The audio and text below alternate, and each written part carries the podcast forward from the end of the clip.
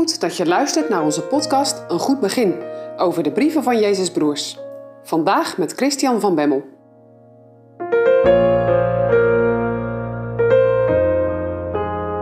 Vandaag lezen we Judas, vers 1 en 2. Judas, een dienstknecht van Jezus Christus en broeder van Jacobus, aan de geroepenen die door God de Vader geheiligd zijn en door Jezus Christus bewaard. Barmhartigheid en vrede en liefde zij u vermenigvuldigd. We zijn deze week aanbeland bij een bijzonder Bijbelboek Judas. Vorige week luisterde je naar de brief van Jacobus. En nu begint deze week de brief van Judas.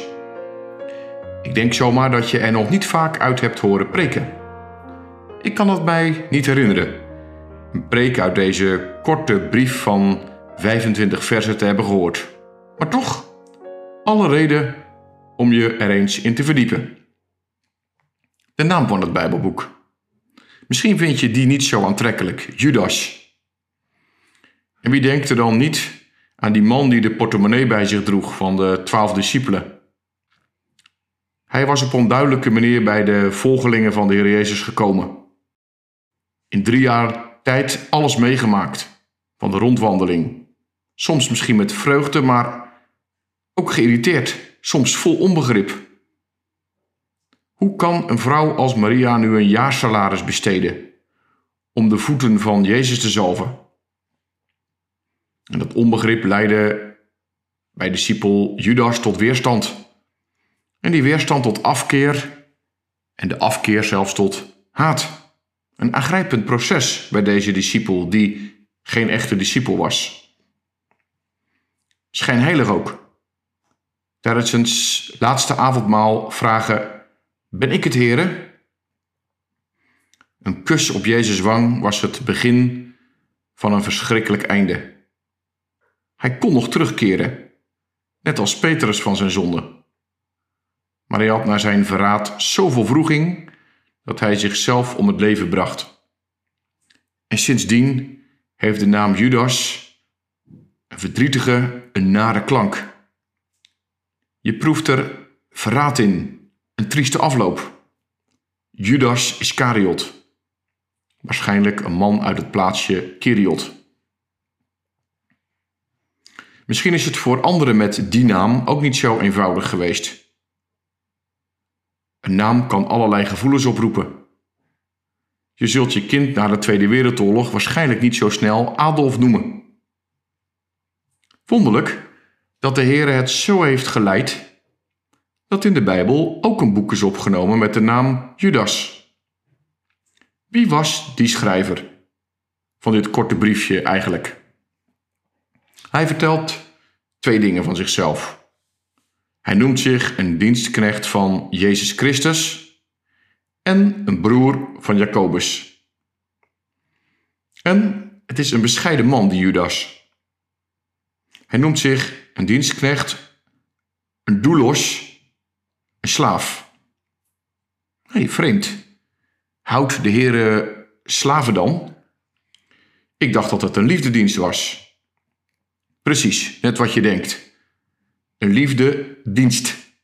Dat komt van dienen. En dat is wat hij doet. De Heere dienen. Iedere dag het verlangen om zijn wil te doen. Ieder uur Ieder ogenblik, eigenlijk altijd en overal. Herken je dat verlangen? Misschien niet altijd even sterk, maar toch? Denkend aan Hem, die niet kwam om gediend te worden, maar om te dienen? Een dienstknecht dus. Verder is Judas een broer van Jacobus. En Jacobus, dat is de oudste broer van de Heer Jezus. En daaronder komt Judas. Vroeger had hij zijn broer Jezus niet geacht. Hoe zal dat in het gezin bij Jozef en Maria gegaan zijn met die jongens? En later werd hij een dienstknecht van zijn broer. Hoe wonderlijk zijn Gods wegen. En deze dienstknecht, deze broer, deze Judas, die schrijft aan de geroepenen. Wie dat precies zijn? Kunnen we eigenlijk niet zeggen. Belangrijker is of ik het ben. We lezen van die geroepenen wel hun kenmerken. Ze zijn geroepen door de Vader, God de Vader, geheiligd en door Jezus Christus bewaard. En dat zijn drie dingen die je ook terugvindt in 2022 bij iedereen die de Heer dient. Geroepen uit het duister tot Gods wonderbare licht, door God de Vader gereinigd en afgezonderd voor zijn dienst en Jezus Christus bewaart hen bij de zaligheid. Geroepen. Heb jij die roep gisteren ook nog gehoord trouwens? Gereinigd? Is dat ook het verlangen van je hart? En bewaard? Heb je dat ook steeds weer nodig? Deze Judas gunt de mensen aan wie hij schrijft drie mooie dingen. Zoals jouw dominee dat jou ook iedere zondag toebidt. Drie dingen. Namelijk genade, barmhartigheid en vrede. Zij u en jou van God geschonken. En dat wenst Judas zijn lezers ook toe aan het begin van zijn brief. Barmhartigheid, vrede en liefde zij je vermenigvuldigd. En vermenigvuldigen, dat is wat anders dan optellen. Bij vermenigvuldigen gaat het veel harder, veel sneller. En dat wenst hij die mensen toe, die geroepenen. Barmhartigheid, ander woord, Elios. Dat is een bewogen, een brandend hart, vol ontferming. Ik moet denken aan die barmhartige Samaritaan.